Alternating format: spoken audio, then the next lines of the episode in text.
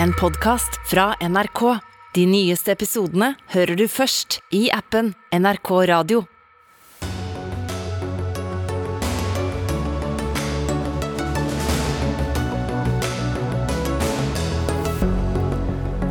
Det blir eh, ikke påbudt for helsepersonell å vaksinere seg mot korona. Begrunnelsen er vår personlige frihet, men det argumentet holder ikke, mener Høyre nå.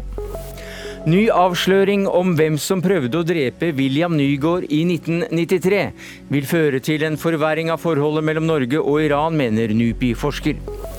Kirkerådet vil fjerne et lokalt kirkepolitisk organ. Kuppforsøk, mener presten i Flå. Blodbad på Afrikas Horn. Etiopia som stat kan forsvinne, mener norsk professor. Og stadig flere europeiske land satser på kjernekraft. Norge bør følge etter, mener kjernefysiker. Kjør debatt. Ja, Det er noen av sakene i Dagsnytt 18 denne fredagen, der vi også tar siste puls- og temperaturmåling på miljøforhandlingene i Glasgow, og håper å få med oss klima- og miljøminister Espen Barth Eide. Men vi starter med de nye koronatiltakene. For etter flere uker med smitteøkning kom regjeringen i dag med nye nasjonale tiltak. Annet skal kommuner få muligheten til å kreve koronapass både her og der. Og en tredje vaksinedose skal tilbys også folk under 65 år. Så hvor ble det da av denne vaksinesolidariteten med fattige land som Arbeiderpartiet snakket om før valget, Ingvild Kjerkol? Du er helse- og omsorgsminister. I Afrika er jo fremdeles under 3 fullvaksinert. Vi har gjennom de avtalene vi har for å sikre vaksiner til egen befolkning, sikra egen befolkning veldig godt. Og Derfor så bidrar vi også til å donere eh, doser til andre land. Det gjør vi gjennom det internasjonale Covax-samarbeidet. Der har Norge donert veldig mange doser. Og så gjør vi det også i bilaterale avtaler eh, når vi ikke får gjort bruk av doser som er kjøpt inn til egen befolkning. Men du, du skjønner det at viser, det, det, det, vi viser solidaritet, ja. men vi følger også faglige anbefalinger for hvordan vi best mulig beskytter egen befolkning. Men ser du at eh, det er et poeng for noen også å trekke frem at en tredje vaksinedose kanskje er litt eh, over the top når Afrika sliter med å få vaksinert 3% av egen befolkning? Vi bidrar som jeg sa, gjennom Covax-samarbeidet til at også eh, land som ikke har betalingsevne til å beskytte sin egen befolkning, at de får tilgang på vaksinedoser. Det er en solidarisk handling som jeg er veldig stolt av at Norge er med og er i front sammenlignet med andre land. Ja. Og så I tillegg så donerer vi bilateralt. Mm. Og så vil jeg si det at de vaksinene vi har, det er jo gjennom faglige anbefalinger for å opprettholde beskyttelsen vaksinene gir, at vi har valgt å tilby en tredje oppfriskningsdose. Først til dem over 65 år, også til helsepersonell som var først ut og fikk vaksiner da de kom i fjor vinter. Og at vi nå varsler, sånn at kommunene kan være klar til, at, til å holde opp Mm. vaksineaktiviteten. Sånn at også resten av befolkningen får en tredje oppfriskningsdose når det eh, er anbefalt. Ja, og Du nevnte da dette helsepersonellproblematikken, for det er dit vi skal nå. Det var eh, mange som kanskje hadde håpet på at dere skulle innby, eller eller dere skulle innføre et, et påbud om vaksine for helsepersonell, men, men så skjer ikke. Hvorfor ikke? Eh, Vaksiner er frivillig i Norge, og helsepersonell i Norge de vaksinerer seg. De ligger faktisk eh, over resten av befolkningen i vaksinegrad. Det syns jeg ikke er så rart. De har en vitenskapelig utdannelse. De vet at vaksiner som er godkjent, gir beskyttelse for alvorlig sykdom og smitte.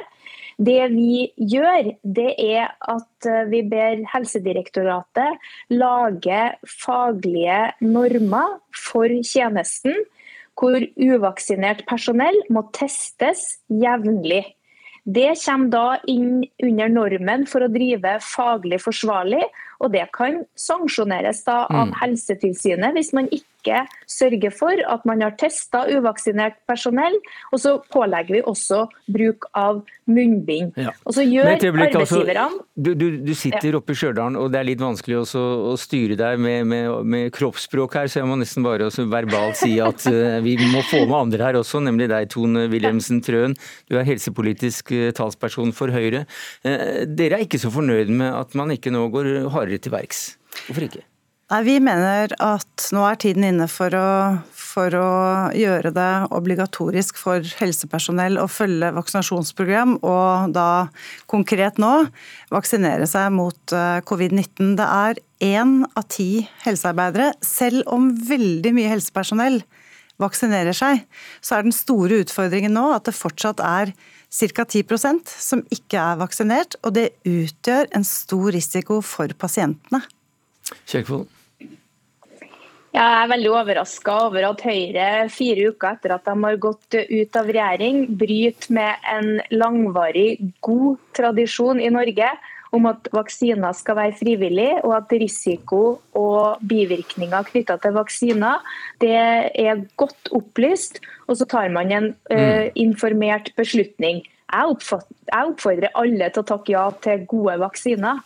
Men jeg syns at Trøen her leverer en øyeblikksløsning på en eh, problemstilling som vi skal ha med oss uh, i lang, mm. lang tid. Og hvis du ser bakover i tid Unnskyld igjen, nå må jeg sette over til eh, flere personer her. Og igjen til deg, Trøen. Ja, vi mener uh, at staten skal være veldig forsiktig med hva vi krever av borgerne våre, og at vaksinering i seg sjøl skal være frivillig. Men for helsepersonell er det en annen utfordring. Det er en balanse mellom pasientsikkerhet og helsepersonells egen altså beslutning om å ta vaksine. Og nå mener vi nå har vi kunnskapen. Nå eh, er mesteparten av befolkningen eh, vaksinert. Folkehelseinstituttet la fram i september en undersøkelse som viste at det fortsatt var én av ti som ikke var det. Og vi ser at det nå er utfordringer. Det er også veldig store utfordringer ute i kommunene. Mm. Det er ikke så lett å omplassere personell hvis du ikke har nok personell til å, til å gjøre sånn at de som lener seg over pasientene, tørker mm. av panna, er de som er nærest oss når vi er pasienter. Men, men altså, denne, denne, kunnskapen er kommet nå etter 13.9, da det var stortingsvalg i kongeriket? Ja, den, den, undersøkelsen fra Folkehelseinstituttet kom 30.9. Og så er det jo eh, litt rart å bli angrepet av Ingvild Kjerkol for dette. Eh, for det er bare tre år siden Arbeiderpartiet eh, ønsket obligatorisk vaksinasjon mot sesonginfluensa mm. for helsepersonell i Oslo. Vi har gått til valg på, I vårt stortingsvalgsprogram har vi gått til valg på å innføre mm. vaksine for helsepersonell. Det følger vi opp nå. Kjerkol. Jeg, jeg kjenner ikke igjen den historiebeskrivelsen til Tone Trøen. Eh, jeg husker Høyre-representanten Sveinung Stensland som gikk i bresjen for obligatorisk vaksine også da. Eh, det som er eh, linja i Norge, det er at vaksiner er frivillig. Og det vi i dag har varsla, det er at det blir en norm knytta til de faglige retningslinjene som sier at du må teste deg. Og så er det også sånn at Dessverre så har vi sett at også vaksinert helsepersonell har blitt smitta og dermed hatt med smitte i møte med pasienter. Sånn at Her må vi følge utviklinga i en pandemi. Og Jeg har også lyst til å minne ja, Tone Trøen om hvordan starten på denne et øyeblikk, jo, unnskyld at jeg, unnskyld at jeg avbryter deg stadig, Ingrid Jeg syns ikke jeg får inn så mange gode poenger når du avbryter meg. Nei, nei, men du, du, hvis du tar et, et resonnement av gangen, skal jeg love deg at du får fullføre ja. det, men ett av gangen. Og, og, nå er ordet ditt til Tone Wilhelmsen Trøen. Ja, jeg eh, tror veldig mange syns det er eh, krevende at eh, så mye helsepersonell fortsatt ikke er vaksinert. Og jeg syns Ingeborg Senneset i Aftenposten sa det veldig godt i dag også. Dette handler om et yrkeskrav. Det er veldig mye sykepleiere, leger og øvrig helsepersonell må hensynta. Altså, tidligere så måtte man faktisk vaksinere seg for å kunne ta sykepleierutdanning mot kopper f.eks. For, for, for veldig lenge siden. Dette er ikke, mm. dette er ikke nytt. Vi står veldig nå sa jeg vi, unnskyld, jeg er utdanna sykepleier. Helsepersonell står veldig nær eh, pasientene. Eh, det handler om sikkerhet. At vi faktisk ikke smitter pasientene når vi kunne ha vaksinert oss. Men du reagerer også på at regjeringen innfører anledning til, for kommunene til å innføre krav om korona, uh, bruken av koronapass um, her og der. Hva er det du reagerer på i denne saken? Nei, nei, nei, jeg reagerer ikke på det. Jeg tror det er veldig viktig å gjøre tiltak som gjør at uh, vi ikke trenger nye nedstenginger, og som gjør at vi sikrer folks arbeidsplasser og, og, slike ting. Um, nå blir det viktig at regjeringen raskt får framdrift i dette og, og får, en, en, får, dette på en måte tydeliggjort. Så, så jeg, det, det, det reagerer jeg ikke på. Ja. Og En som er glad for dette, det er vel deg, Gunnar Wilhelmsen. Som ordfører i Tromsø så hadde vi med deg i går også. Du representerer Arbeiderpartiet. Og din kommune har da i likhet med Trondheim vært utsatt for omfattende smitteutbrudd den siste tiden. Og du argumenterte her i går i Dagsnytt 18 at dere burde få muligheten til å innføre slike regler om bruk av koronapass. Hva, hva tenker du i dag? Nei, først og fremst så er det jo at regjeringa med helseministeren i spissen har iverksatt eh, dette så raskt. Det er selvfølgelig formalitetene skal på plass før vi kan innføre det, men det er utrolig viktig i forhold til det nivået smitten er på i Tromsø, og at vi går inn i en sesong som er viktig for både konferansebiten, eh, kulturbiten, konserter, utelivsnæringa og ikke minst nordlysturismen. Alle disse tingene er viktig at vi får med igjen. Nå har din, dine, disse bransjene har stått i det i 18 måneder. De tåler ikke noe mer, så all honnør til helseministeren. Hvor lang tid tar det før disse ordningene er på plass i Tromsø? Nei, Det jeg har fått signaler om, det er at det, noen sa tirsdag, men det siste jeg hørte, det var torsdag at det må en sak opp, jeg tror faktisk i Stortinget. Jeg er litt usikker på det. Simen Ekern, du er vår eh, mann i Europa som europakorrespondent, og med oss fra Brussel denne gang. Eh, I ettermiddag så meldte Østerrike at de også vil innføre da ikke bare dette bruken av korona, koronapass, men en ren nedstengning for borgere som ikke er vaksinerte. Hva innebærer det? Ja, Det innebærer at fra mandag av så vil eh, en tredjedel av borgerne i Østerrike eh, Det er en veldig lav vaksineringsgrad eh, i, i landet. Eh, så altså en tredjedel omtrent vil måtte leve livene sine litt som de gjorde under de eh, mest eh, strenge tiltakene i vår. Bl.a. antageligvis da at man ikke får lov til å gå ut mer enn én gang om dagen, og bare da i nødvendige ærender som å handle mat f.eks.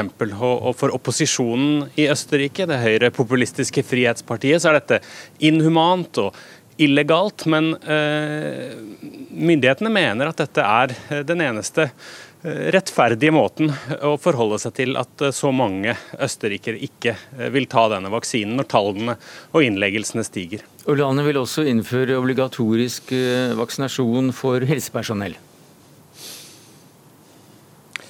Ja, det vil de, i likhet med flere andre land. I Frankrike f.eks. har jo dette vært et krav en stund, og vi har allerede sett saker om eh, leger som har mistet jobben fordi de ikke vil vaksinere seg.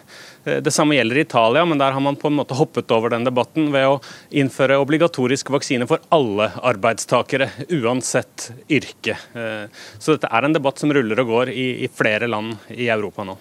Hvordan er utrullingen av vaksiner for folk under 65 år i de forskjellige landene? Nei, eh, den er jo ikke særlig bra, særlig hvis vi ser østover. Jeg nevnte Østerrike. Tyskland også har et ganske stort problem med å få nok mennesker til å vaksinere seg, særlig i enkelte deler av landet. Eh, der også ser vi at dette har blitt politisert på et vis. I likhet med i Østerrike så er det eh, den høyrepopulistiske opposisjonens velgere som i, særlig grad ikke vil vaksinere seg. og Disse partiene driver også eh, politikk på dette. Mye av det samme så vi tidlig i år, da det var valg i, i Nederland. Og så er det andre land som Spania, som Portugal, som Italia som har eh, veldig høy vaksineringsgrad, men, eh, men Italia har altså likevel valgt å ha strenge tiltak, men, men, men, en mye høyere grad av, av innbyggere som, som, velger å vaksinere seg enn det, enn det vi ser i disse andre landene. Takk skal du ha, Simen Ekern, korrespondent eh, i Brussel, til eh, Tone Wilhelmsen Trøen, helsepolitisk talsperson eh, i Høyre, til Gunnar Wilhelmsen, ordfører i Tromsø fra Arbeiderpartiet, og Ingvild Kjerkol, helse- og omsorgsminister, også da fra Arbeiderpartiet.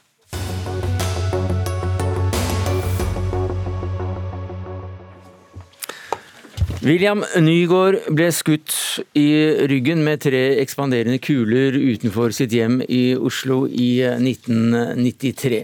Den gang var eh, han forlagssjef i Aschhaug, eh, og Salman Rushdie og hans sataniske vers var i porteføljen.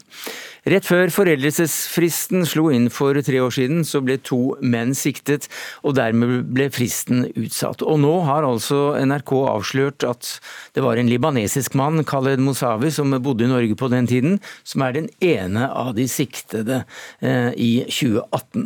Og i dag kunne NRK melde at den andre siktede jobbet som førstesekretær ved den iranske ambassaden i Oslo da Nygård ble skutt.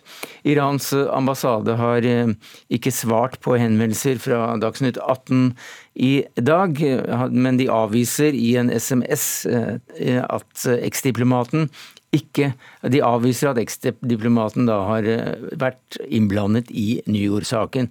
Og den SMS-en den var det du som fikk, Odd Isungset, reporter i NRK. Det er du som har vært interessert i denne saken i 28 år. Hvorfor er den viktig også i dag? Denne saken er veldig viktig i dag fordi dette er noe helt annet enn soloterrorisme. Dette er en form for terrorisme utløst av en eh, fatwa i en helt annen del av verden, utløst av en belønning i en helt annen del av verden, og åpenbart nøye planlagt der flere personer har vært involvert. Så dette mener jeg er en, en, en helt spesiell sak i, i norsk historie, fordi det nå i neste omgang handler om ytringsfriheten. Ja, William Nygaard, eh, du, eh, han er på reise, men, men, du er her, eh, Mats Nygaard. Du er, du er, sønn, og du er forlegger. Du er også konserndirektør i Aschehoug. Og har også da arvet en del av denne saken fra faren din. Hvorfor er den viktig i dag, synes du? Nei, altså Ytringsfrihet er det aller viktigste premisset for et eh, sunt og velfungerende demokrati. Eh, dette er et eh, av de mest tydelige angrepene på ytringsfrihet i Norge. Saken er ikke oppklart, og er således like aktuell i dag, selv om det er gått nesten 28, eller det er gått 28 år. Ja, William Nygaards bistandsadvokat Halvard Helle han har oppfordret politiet til å etterlyse de to siktede internasjonalt. Eh, hva er din vurdering når det gjelder politiets videre etterforskning? Altså jeg, eh, jeg tror ikke jeg skal eh, gjøre noen veldig nære og grundige vurderinger av akkurat politiets arbeid i denne sammenhengen. Det jeg er mest opptatt av, det er at den siktelsen politiet faktisk har tatt ut, eh, den peker og er begrunnet i det som bare kan kalles statsterrorisme, utført av eh, Iran eh, på norsk jord. Terrorisme utført for å sanksjonere, stille en stemme som de fant plagsom. Det er mitt uh, hovedfokus, og, og jeg syns det er det viktigste i det vi nå ser. Det at det dokumenteres på mange måter at uh, Iran er direkte innblandet i denne formen for aktiviteter. Kjetil Selvik, du er seniorforsker ved Norsk utenrikspolitisk institutt, eh, NUPI, og kjenner forholdene i Iran svært godt. Det blir kalt statsterrorisme? Ja, det er klart Hvis Iran gjennom sin ambassade i Norge faktisk har gjennomført dette, så er det en veldig alvorlig sak. Og en sak som vil danne spenninger mellom eh, Iran og Norge. Eh, men det er vel foreløpig en siktelse. Og jeg eh, vet ikke hvordan man skal komme videre i saken, for man kommer jo ikke til å få Iran til å samarbeide her med å utlevere denne personen til Eh, noe forhør eller avhør. Jeg kan ikke i hvert fall se for meg slik forholdene er nå mellom Iran og omverdenen. Så, men det er en spennende sak. Mm. Men Irans ambassade i Oslo har jo da altså avvist uh, siktelsen som, som uh, grunnløs. Og du sier at dette kan få noe å si for forholdet mellom Iran og Norge. Hvordan da? Eh, William Nygaard, Attentatet mot William Nygaard i 1993 fikk uh, umiddelbare konsekvenser for forholdet mellom Iran og Norge. Faktisk var det sånn at i årene rett før, fra etter 1989 fram mot 1993, så ble forholdet bedre. Man, man søkte eh, å komme nærmere fordi man hadde et ny eh, linje, politisk linje i Iran under daværende pre president Rafsanjani, som var opptatt av å bedre forholdene til omverdenen, avspenning, tiltrekke seg internasjonale investeringer, også fra Norge. Og man hadde noe på gang. Eh, men det var en kraftig kalddusj, selvfølgelig, dette som satt forholdet tilbake i flere år. Det som er eh, interessant, hvis jeg kan si det på den måten, med den fatwaen, er at det har jo Etter Khomeini, som da døde i 1989 Denne fatwaen var noe av det siste han gjorde. Det var i hans siste år at han kom med denne såkalte fatwaen. Eh, så har det vært en maktkamp i Iran om hvordan dette Eh, landet, hvilken retning dette landet skulle dra. Der man har hatt ulike politiske fløyer. Rafsanjani, som jeg nevnte. Så fikk man reformbevegelser internt. Men så hadde man hatt mer eh, hardliner internt, som har eh, internt som har ønsket en helt annen retning for landet. De har jo hatt gjennom denne fatwaen noe å spille på som de har kunnet forfølge. En måte å forfølge sånn som de ser det. De originale, opprinnelige, revolusjonære ideene om å spre islam eh, til, til, resten av verden, kjempe for islam. Mm. Men, men gjelder, den, gjelder den ennå?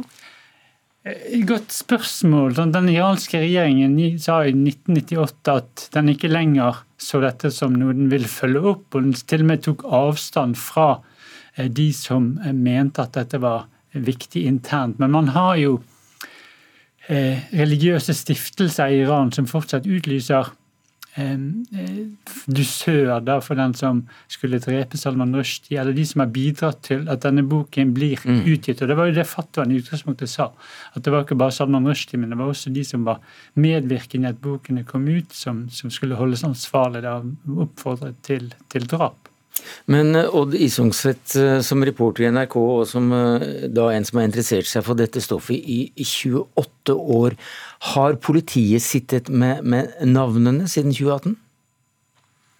Politiet, ja. ja. Mm. Altså, det, er, men hvor, men hvor, jo, det er klart det. Altså, det er sikta jo navngitte personer. Ja. Men det har bare ikke villet formidle det til offentligheten. Men nå har vi også da, NRK, uh, sagt navnet på den ene, men ikke den andre. Ikke den iranske diplomaten. Hvorfor ikke? Nei, men Rent pressetisk så er det en stor forskjell mellom å intervjue libaneseren, som stiller åpent og sier han er helt uskyldig, og det å, å eksponere den eksdiplomaten, som jeg har gjort uh, veldig, veldig mange forsøk på å få tak i. Sånn at så lenge vi ikke hadde greid å få snakke med han, Eh, så eh, er vår vurdering at eh, det ikke er legitimt å, vise, å bruke navn og bilde på han. Det kom jo ikke som en stor overraskelse at den hadde en, en, forbindelse til landet Iran. De fleste gjettet jo, eller regnet jo med det allerede da attentatet ble begått. Selvik og Iran har en mørk fortid når det gjelder å, å angripe mennesker i Europa. Ja, Iran har ved flere eh, anledninger vært eh, involvert i angrep på eksiliranere, kanskje spesielt. Eh, det er mer spesielt, eh, hører mer til sjeldenheten at man har angrepet, angrepet andre lands borgere, sånn som i dette tilfellet her. Men det var jo flere hendelser. Det var jo også eh, i tilsvarende hendelser i Japan og, og flere angrep rundt utgivelsen av eh, sataniske vers. Men er det påvist eh, og, og kommet til bunns i om ambassadepersonell tidligere har vært eh, involvert i drap eller drapsforsøk i Europa? Um, ja. Ja, tar oss gjennom detaljer. Ja, altså det, er, det, har nettopp falt en dom i Belgia, f.eks. Og, og den store saken, den, det store vendepunktet i dette er det som blir kalt Mykonos-saken i Berlin, altså fra 1992. Der det jo til og med ble utstedt arrestordre på Irans informasjonsminister. Altså Fire kurdere ble massakrert, regelrett massakrert, og sporene gikk entydig tilbake til Iran.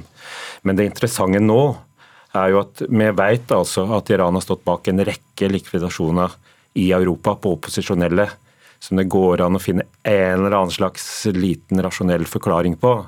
Men, men det har aldri kommet et uh, altså, vært denne type reaksjoner i forhold til Rushdie-saken og bokutgivelsen. Det er, det er, noe helt annet. Derfor mener jeg at denne siktelsen og det at jeg adresserer dette til Iran, er veldig, veldig viktig. William, uh, nei, igjen William Nygaard. Mats Nygaard. Uh, uh, ville du ha utgitt sataniske vers? Ja, definitivt. Sataniske vers er skrevet av Salman Rushdie. Det inngår i et fantastisk forfatterskap, og helt utvilsomt vil vi utnytte i dag òg. Og vi holder det i trykk, selvfølgelig. Det er jo bare å gå i bokhandelen og kjøpe boka.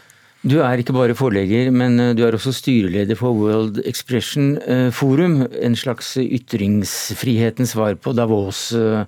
Eh, og det blir en omfattende konferanse på Lillehammer til våren. Hvordan hjelper slike avsløringer som det vi har fått i går og i dag, arbeidet med å fremme ytringsfrihetens vilkår også gjennom et slikt møte?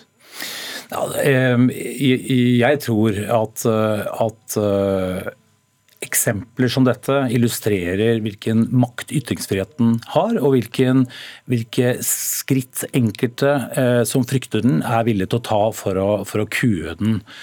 Eh, slik at eh, det å, det å, dokumentere slik vi her gjør angre på den, det, det løfter jo bevisstheten rundt betydningen den har. Eh, når det er sagt, så er det jo klart at ytringsfrihet er presset i dag mer enn noen gang. Det fører ikke alltid til drap eller drapsforsøk. Men, men, noe som nesten hver og en av oss kan merke i det, i det daglige. slik at mm. arbeidet med å sikre ytringsfrihetens kår er eh, ironisk nok i en tid med sosiale medier og, og alt det der, viktigere enn noen gang. Men hvor viktig er det om og at denne saken faktisk blir oppklart for familien Nygaard? Nei, eh, det det er et helt, faktisk et helt irrelevant eh, spørsmål. Dette er en sak av helt og holdent prinsipiell karakter. Det var, det var Askeds forlegger som, som, ble angrepet i, i, i, i, 1993. og Dette har ikke noen privat karakter i det hele tatt. Det sentrale og interessante i denne saken er hvorfor han ble angrepet. og og rollen han hadde som, som, forlegger. Det at en forlegger angripes, er det som er det uhyrlige i denne saken. Takk skal du ha, Mats Nygaard, konsernsjef i Aschehoug Forlag, til Odd Isungset, journalist, reporter i NRK, og til Kjetil Selvik, seniorforsker ved NUPI.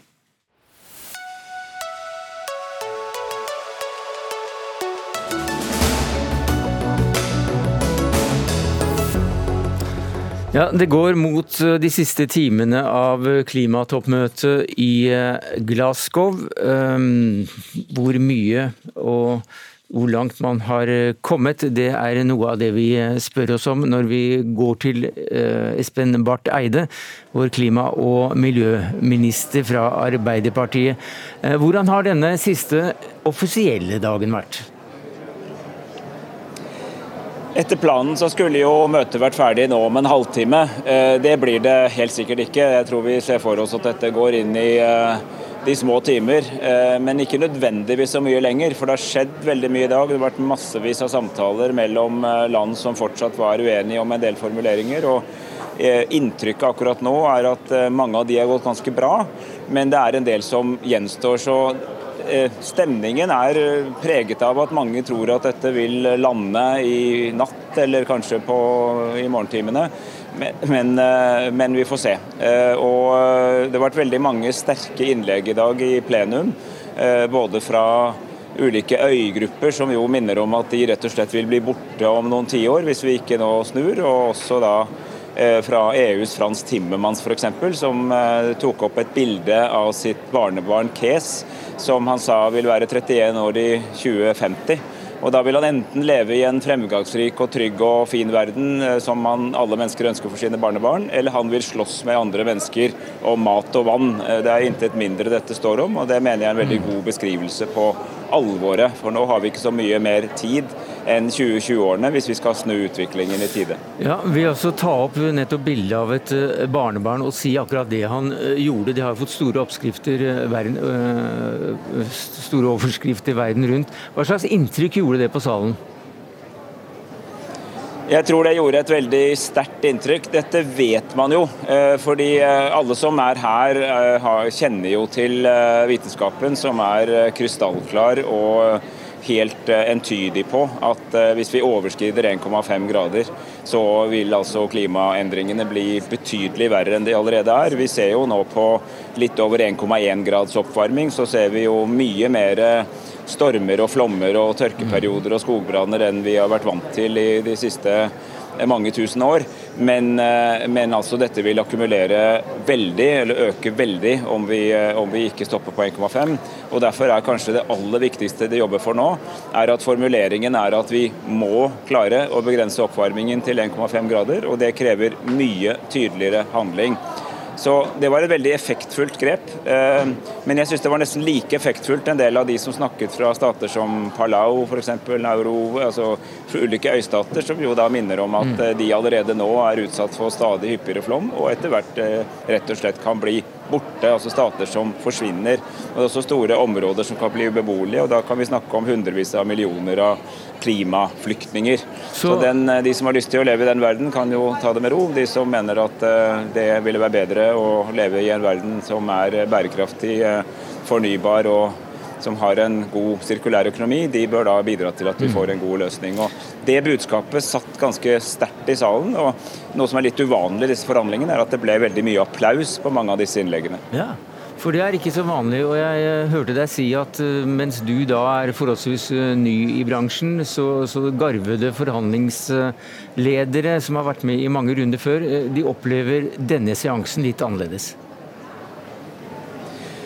Ja, Noen av våre egne mest erfarne klimadiplomater eller klimaforhandlere mener at de leser bildet litt annerledes. Altså En større erkjennelse av alvoret, en større vilje til å finne felles løsninger. Og, og, og selv om det er uenigheter her, så er det ikke noe land akkurat nå som har utkrystallisert seg som en, eh, som en, spoiler, altså et land som virkelig vil ødelegge og ikke bidra til en løsning. Jeg tror ingen har lyst til å bli sittende med svarteper.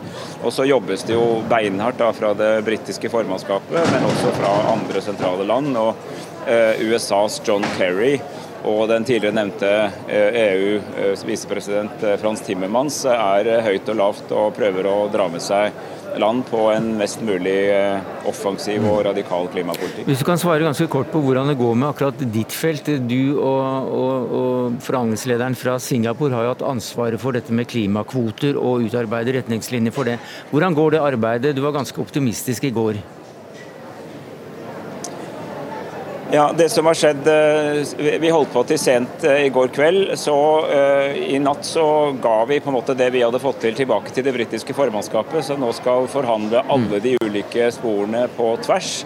Så nå er det der det ligger. Veldig mange av de innleggene som var nå for et par timer siden da vi hadde det siste plenumsmøtet så langt, ga støtte til den hovedmodellen som har blitt utviklet i våre samtaler. Samtidig som mange understreket at vi må ha sikringsmekanismer som sørger for at eh, det ikke blir noe rom, noe smutthull i forhold til såkalt mm. dobbeltrapportering. Eh, men, men, det virker nå som om det er den modellen som, eh, som vi bidro til å, å finne fram til, som blir grunnlaget for det som skjer på artikkel 6. Men så er det viktig å understreke at ingenting er ferdig før alt er ferdig. Mm. Så, så, det er liksom helheten som, eh, som, må komme i mål. og Da er det f.eks. mange som venter på hva som skjer med klimafinansiering og spørsmålene om eh, såkalt tap og skade. Eh, og Disse tingene må også på plass tror jeg, før vi får en endelig avklaring i kveld eller i natt eller i morgentimene. Men samtidig som, som, du håper på at dette går i orden, så får også Norge kritikk for å ha en slags dobbeltrolle da, på, på, under toppmøtet. At vi både er klimaforkjempere og olje- og gassprodusenter. Hvordan opplever du den kritikken? Det er jo noe vi først og fremst hører fra norske medier norske organisasjoner. Eh, men, eh, men, det er klart at det er jo et, eh, et, spørsmål det er rimelig at vi må svare på. Og det vi sier der er at vi mener, som andre progressive land her, at verden må bli fossilfri. Og da vil det jo etter hvert være slik at det ikke er rom for kull, olje og gass, i hvert fall så lenge man ikke har karbonfangst også. Men at man kommer ikke dit bare ved at enkeltland slutter å verken produsere eller lete. Det må være en eh, energiomstilling som er både nasjonal og regional og, og global. Og Den vil vi gjerne bidra til så godt vi kan gjennom å utvikle alternative løsninger mm. på alle samfunnssektorer og tilstrekkelig med fornybar energi. Uh, Ola Elvestuen, du er nå stortingsrepresentant for Venstre, tidligere klima- og, og miljøminister. Forstår du at Norge kritiseres? Jeg tror diskusjonen endrer seg ganske mye. og Det vi har sett i år, både fra IEA-rapporten fra i vår, som sier at, eh, er, eh, at vi, vi, kan ikke lete etter mer eh, olje og gass. Og du har også UNEP sin rapport nå bare for noen uker siden som er, viser dette produksjonsgapet, som sier at planlagt produksjon av fossile energikilder vi kan bare ta i bruk halvparten av disse for å ha muligheten til å nå 1,5-gradersmålet. Og det vil si at For Norge også så handler dette om at vi, det er ikke rom for mer leiting etter olje og gass hvis vi skal klare 1,5-gradersmålet. Eh, Så jeg tror at vi, vi, må være på begge sider av diskusjonen. Vi kan ikke bare snakke om at det er etterspørselen vi skal få ned. Der ligger Norge langt framme. Vi må også være en del av den diskusjonen som blir sterkere og sterkere, om hvordan vi skal begrense produksjonen for å ha mulighet til å holde verdens oppgradering under 1,5 grad. Så dette har begynt nå. Det har endra seg stort bare i løpet av et halvt år, og kommer til å være noe som vi får mer og mer oppmerksomhet på, og som vi kommer til å måtte svare ut i større og større grad. Du, vi hørte jo reaksjonene fra, på, på Glasgow-toppmøtet, at det var en annen stemning der. og Du hadde jo da den samme ministerposten som Espen Barth Eide har nå, under møtet i Madrid eh, for et par år siden. På hvilken måte har du oppfanget at dette toppmøtet er annerledes enn det du deltok på? Det er klart det er annerledes, og det må være helt annerledes. For fra Parisavtalen ble da beslutta i 2015 og fram til nå, så har forhandlingene stort sett dreid seg om regelverket for Parisavtalen. Det var i Katowice, store endringene og enigheten, også med deler i Madrid. Og Den gjenstående delen der er den artikkel 6 som vi nå også snakker om. Nå er testen på hvor sterk Parisavtalen er. At det er dette møtet hvor landene skal vise å komme med nye målsettinger, og sterke nok målsettinger til at vi kan se at vi kan komme under 1,5 grad. Mm. Og Det er det dette vil bli, bli, målt på. og Det legges det også veldig stor vekt på oss for britene og andre. Ganske kort, har du trua? At det blir en mye sterkere slutterklæring nå enn det det noen gang har vært tidligere. Det blir det. Problemet er at den er likevel ikke sterk nok opp mot det problemet vi står overfor, for å holde den globale oppvarmingen under 1,5 grad. Eh, hva tror du, Kjetil B. Alstaheim, eh, politisk redaktør i eh, Aftenposten. Har du også latt deg begeistre og, og tro, av troen på at det nå kommer en mye sterkere erklæring enn det vi har hatt tidligere? Ja, Det tror jeg det gjør. Og det, det som, Noe av det som er viktig her, er jo hvor tydelig man snakker om en 1,5 grad, og hvor Eh, eksplisitt man er på at det krever at det blir gjort mer i dette tiåret. Eh, og at det også, sånn som teksten ligger nå, da, eh, blir et, lagt et press for at landene skal skjerpe, skjerpe planene sine allerede i løpet av neste år. Fordi Det nytter jo ikke å bare si at 1,5 grad er viktig, hvis, hvis landene samlet sett ikke greier å gjøre mer nå i de kommende 8-9-10 årene enn det som ligger her Eh, per i dag. Men samtidig så skriver du i, i ettermiddag i Aftenposten i en kommentar at sitat, det er mulig at statsminister Jonar Gahr Støre og jeg ikke har vært på samme klimamøte, men jeg trodde vi hadde vært det. Hva er det dere opplever så veldig forskjellig? Ja, nei, det, var, det er en tekst han har skrevet for Dagens Næringsliv, der han skriver om utfordringene med om omstillingen skjer for raskt. og Jeg skjønner jo poenget hans der er at hvis, man, hvis, dette får kraftige konsekvenser for eh, arbeidstakere, for forbrukere, for bedrifter, så kan du få en motstand mot tiltakene. Eh, men det kan jo ikke være et argument for å utsette klimaomstillingen, men det er et veldig godt argument for å passe på at man innføre andre typer tiltak som kan fange opp grupper som rammes spesielt. Så du tror ikke at dette går så raskt at det går altfor mye utover kongeriket Norge? For, for, Norge er jo det så Mye av den debatten vi har om olje- og gassnæringen, den baserer seg litt på at, at det skal være et slags status quo, og at denne omstillingen internasjonalt skal gå litt sånn pent og pyntelig for seg i ordnede former. Hvis, hvis, man, hvis landene følger opp det de nå uh, kan komme til å si her om 1,5-gradersmålet, så skal jo den omstillingen gå ganske mye raskere. Uh, og en, noe av det som er risikoen ved at Eh, at man venter med kutt eh, globalt sett, er jo at man får en sånn panikksituasjon der landene plutselig tar dette på alvor i større grad enn de gjør nå, og kommer med veldig drakoniske tiltak. Og du får en veldig brå og litt sånn uorganisert eh, overgang. Så Det er også en, et scenario som, som, Norge må være forberedt på. Så man skal forte seg langsomt? ja, altså noe av det som er Eh, altså Boris Johnson, eh, verten her, den britiske statsministeren, sa ved åpningen Han sammenlignet all den oppgaven forhandlerne har, her har, med, med, det James Bond gjør i, i filmene om eh, eh agent 007. Eh, nemlig at han, han, sitter der i siste øyeblikk og skal prøve å klippe over den riktige ledningen for å unngå liksom, at dommedagsmaskinen eh, utrydder store deler av, av menneskeheten. Men disse forhandlerne har jo egentlig en mye vanskeligere oppgave. For det er ikke bare én ledning de skal klippe over, de skal omstille hele økonomien. Eh, hvordan folk transporterer seg, hvordan maten produseres, hvordan de får energi. Så det er eh, en enda vanskeligere jobb enn den James Bond har. Takk skal du ha, eh, Kjetil B. Alstaheim, politisk redaktør i Aftenposten, til Ola Elvestuen, stortingsrepresentant for Venstre, og Espen Barth Eide, klima- og miljøminister.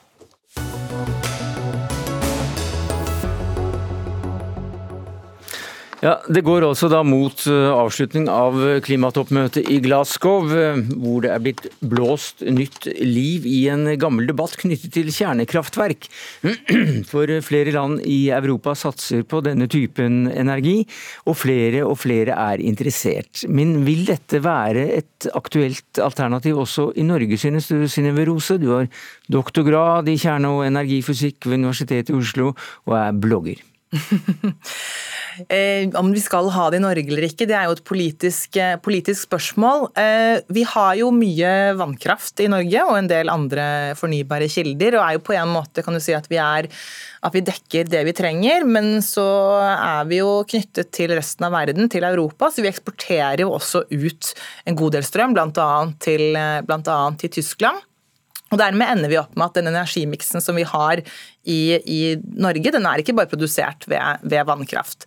Og Da ender vi opp med sånn at vi, vi, sånn sett trenger vi mer energi. Vi trenger mer grønn energi. Mm. Og dette er grønn energi? Kjernekraft eh, mener jeg absolutt er grønn energi, og det jobber jo også EU for å få dette nå inn i denne, den grønne taksonomien, at det er eh, grønn energi. Så hva er da fordelen med kjernekraft? Fordelen med kjernekraft er at eh, det har ekstremt lave utslipp av CO2, bare så vidt litt høyere enn vindkraft, som er det aller laveste. Det tar lite, lite, plass, i motsetning til eh, de fornybare kildene som krever mye areal. Eh, og Det er et problem når det kommer til natur og miljøet. fordi det viktigste for, for eh, biodiversitet det er jo at vi har uberørt natur, som tar lite plass. Det, den produserer strøm hele tiden. Den er ikke avhengig av at solen skinner eller vinden, vinden blåser. Den produserer lite avfall. Minst farlig avfall i volum av alle energikilder. Så og så er den jo veldig veldig trygg, da. Eh, så det er positivt med kjernekraft. Ole Kristian Reistad, dette hørtes ut som et colombi-egg, men hva sier du som leder for strålevern på Institutt for energiteknikk på Kjeller, og du er tidligere reaktorsjef? Ja, eh, jeg har, nok, eh, jeg har nok min second thoughts om spesielt kjernekraft i Norge, det må jeg si. Mm -hmm. Hvorfor det? Eh, I Norge så vi mangler kompetanse. Vi har ingen utdanning. Eh, vi har ingen industri.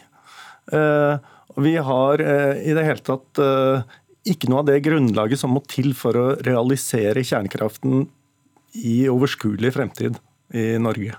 Men hva da med avfallet og, og lagring av, av, dette her, det, uansett om det er i Norge eller ikke, er ikke det et problem? Eh, jeg mener jo at det er et eh, problem. Jeg mener jo også at dette med sikkerhet er et spørsmål som så visst ikke er avgjort. Og jeg tror Jeg er litt usikker på hva vi egentlig mener når vi snakker om kjernekraft i dag. fordi at den kjernekraften vi kanskje tenker på, det er en som ser bra ut om en 10-15 års tid. Mens den kjernekraften som vi ser i dag, den er egentlig noe som vi skulle ønske at vi mm. kunne ha en bedre versjon av. For eh, Du sier jo Synnøve Rose, at dette er kjempetrygt. Ja, jeg er litt usikker på om når, eh, når Reisa snakker om sikkerhet, så lurer jeg på om han kanskje snakker om det er, to, det er to forskjellige sider her av sikkerhet. Det ene det jeg tror folk ofte tenker på når de på en måte tenker på om kjernekraft er sikkert eller usikkert, at de ser for seg at et kjernekraftverk det skal bare eksplodere poff som en atombombe.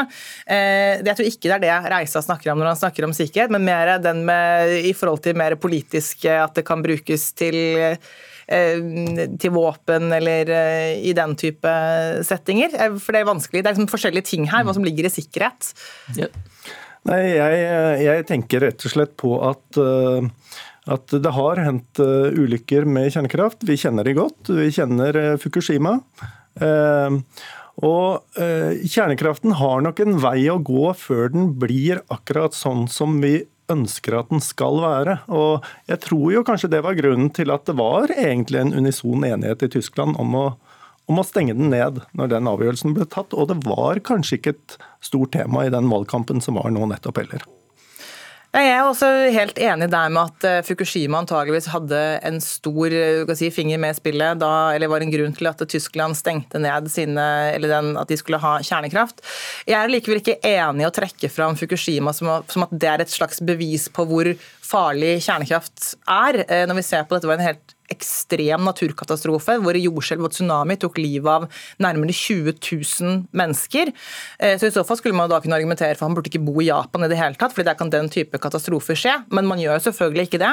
Eh, Fukushima-kraftverket ble skadet, og det var en svært alvorlig ulykke, men likevel når man snakker om en svært alvorlig ulykke i denne settingen her, så snakker vi ikke om at da folk dør av denne ulykken, f.eks. Nei, men vi, vi driver jo fremdeles og er litt forsiktige med å spise fisk fra spesielle innlands områder i Norge med for høy becquerel pga. Ja. Tsjernobyl for eh, hundrevis av år siden? Og der har man, eh, der har man noen helt ekstreme marginer når man er, vil jeg påstå, når man er redd for de, de tingene.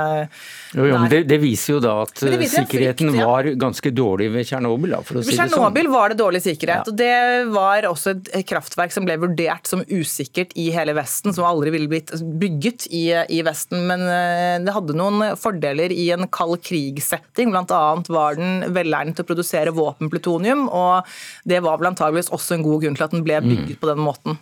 Reistad, sikkerheten er vel mye bedre hos de nye eh, kjernekraftverkene? Sikkerheten er bedre hos de nye kjernekraftverkene, men eh, vi har kanskje ikke sett de nye kjernekraftverkene helt ennå. Og det, sånn som det er med kjernekraften i dag, så er det nok det Det er lett å se over eh, grensen og si at ja, Sverige er et samfunn som egner seg godt for kjernekraft. Det er et velordnet, godt organisert, regelstyrt samfunn. Men men det er ikke sånn verden er. Eh, og Derfor er det mest interessante med kjernekraften det er kanskje at vi kan begynne å si hvor, kan, hvor, hvor bør kjernekraften ikke være? For det er ganske mange steder som både går på naturkatastrofer, men også går på politiske rammebetingelser. Sånn at, sånn at kjernekraften er nok et godt stykke unna å være det vi kan si at dette er løsningen. Eh, og så binder den samfunnet opp. Den kjernekraften vi bygger, i morgen og realiserer om 15 år, binder samfunnet opp i en 40-50-60 år på en måte som jeg ikke tror vi ønsker at den skal.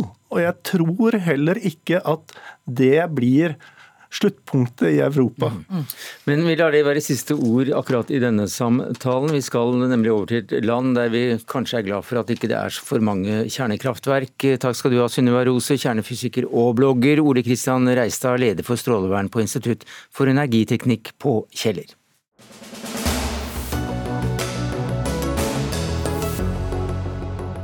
Ja, for vi skal til Afrikas Horn og situasjonen i Etiopia. Eh, vi har den siste tiden fått varierende meldinger om hvor eh, frontene går.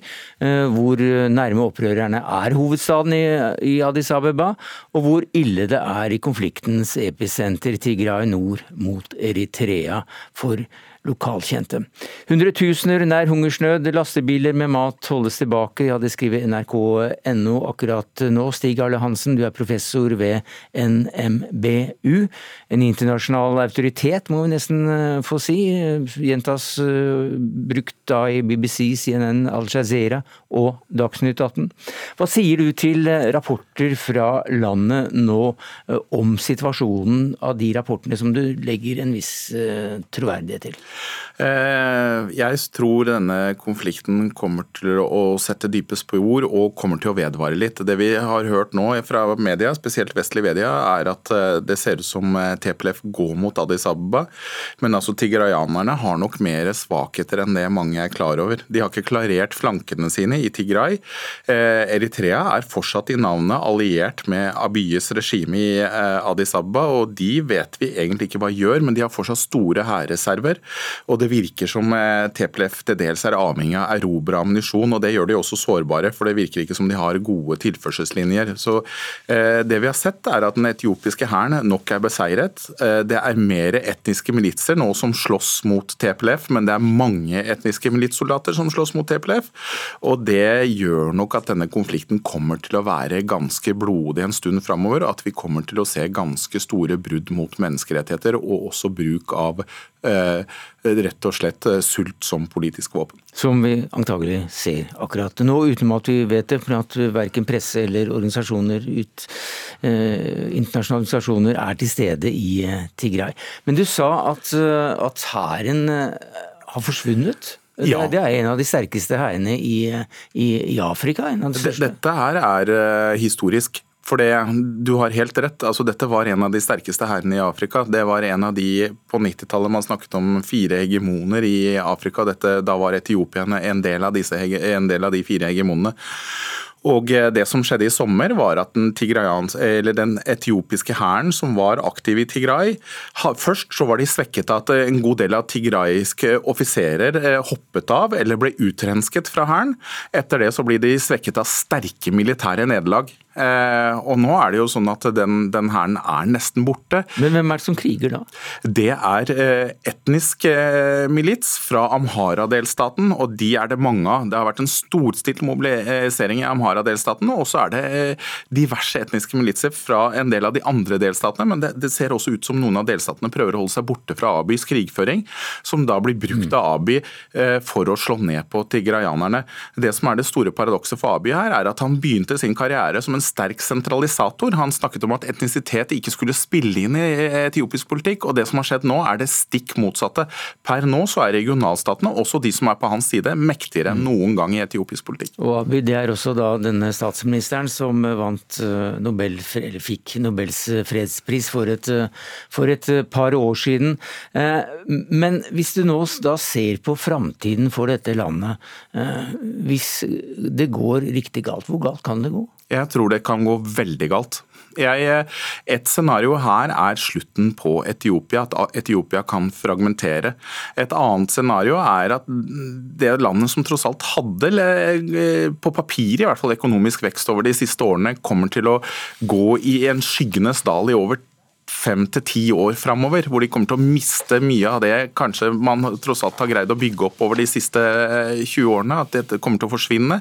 At vi skaper etniske motsetninger som ikke har vært der før, og at vi altså eh, bygger opp under etniske motsetninger som har vært eh, før, men som nå blir sterkere og sterkere.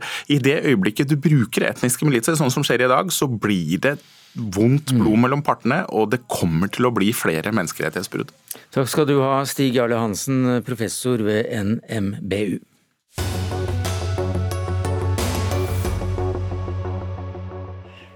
Kommuner, politiet, helsevesenet, ja, de omorganiserer seg. Og nå er tiden kommet for eh, Kirken. Ansettelsesprosessen i Kirken er nemlig bokstavelig talt litt eh, gammeldags.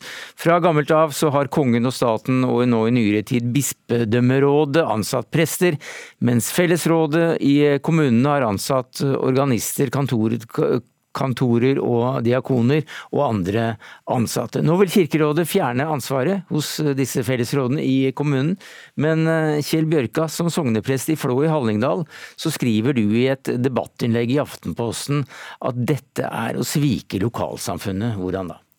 Jo, for det at um, en vil altså ta bort uh, fellesrådet i kommunen, og så vil en etablere et nytt prostifellesråd og det vil, eh, når den kommer utenfor de store byene, så blir det en sterk sentralisering. Da vil en altså miste den lokale kontakten mellom eh, kirke og folk. Ja, Er det meningen, kirkerådsleder Kristin Gunnlaugsrud Råum? Nei, overhodet ikke. Og det er jo eh, derfor vi nå finleser hva kommunene mener om det forslaget vi har lagt eh, frem, eller sendt ut eh, på høring. Vi har tidligere sjekket ut andre modeller som ikke får flertall, og nå prøver vi ut en mellomløsning og sjekker ut hva folk syns om den. Men du kaller det et, et kuppforsøk, du Bjørka? Ja, Altså Det som hun nå sier, at det andre forslaget avvist tidligere, det er jo faktisk feil. For Kirkemøtet har veldig tydelig sagt at de ønsker en utgreiing av ulike forslag, ulike organiseringsmodeller. Mens Kirkerådet har på egen hånd da valgt én modell, nemlig at alt skal sentreres om prostifellesrådet. Og det, det er feil å gjøre. Eh, når en trenger en brei eh, forberedelse for å vite hva som kan være en god ordning framover. Råen. Nei, det er ikke riktig. Eh, I 2016 så prøvde vi ut både bispedømmerådsmodell og fellesrådsmodell, og Kirkemøtet avviste dem.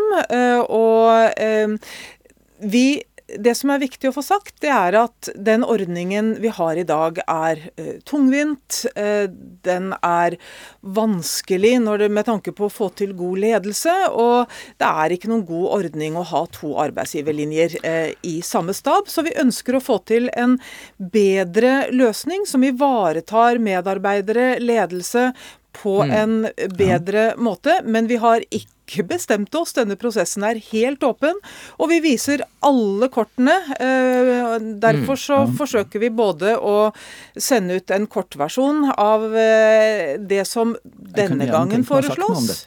Mm. Og ja, eh, vi, vi viser alle kortene. Vi må nesten slippe til pressen her mot. Ja, nei, altså, det, det er så feil, det som kirkerådsdirektøren her sier. I 2016 så sa Kirkemøtet at slett ikke at en forkasta andre modeller. En sa at en vil ha mer utgreiing. Og så velger da Kirkerådet kun ett alternativ, altså tre små varianter på ett alternativ. Og dette alternativet, det er svært drastisk. I hvert fall utenfor de store byene. Vi mister den lokale kontakten. Og det er veldig viktig at uh, dette enspora forslaget, det må trekkes tilbake. En må ha um, en brei presentasjon av helt ulike modeller. For disse modellene er for like, mener du? Det, ja, det er det samme. Alle de tre modellene det er prostifellesråd. Og Kirkemøtet har ikke avvist de andre, sånn som kirkerådsdirektøren her sier. Det er, de tvert imot vedtok at de ikke skulle vedta noen modell. En vil ha mer grunnlag. Så da må kirke, hvis det er Kirkerådet som skal gjøre dette arbeidet, så mm. må de finne fram de andre modellene som er mulige, og legge de på bordet. Vil dere gjøre det, Gunnlaugsrud Råm? Ja, Vi er nok litt uenige om hva som faktisk skjedde. Men, eh, og jeg er også uenig i at det er veldig, tre veldig like modeller. fordi det som er felles for dem, det er at alle kirkelig tilsatte skal tilsettes i et prostifellesråd. Men når det gjelder hvem som har arbeidsgiveransvaret, så er modellene veldig forskjellig. Men eh, det denne prosessen handler om, det er å sjekke ut en modell som vi ikke har forsøkt å utrede tidligere, eh, og finne ut om det er en vei videre. Det vi er opptatt av, er å finne frem til en ordning som er bedre enn det vi har i dag.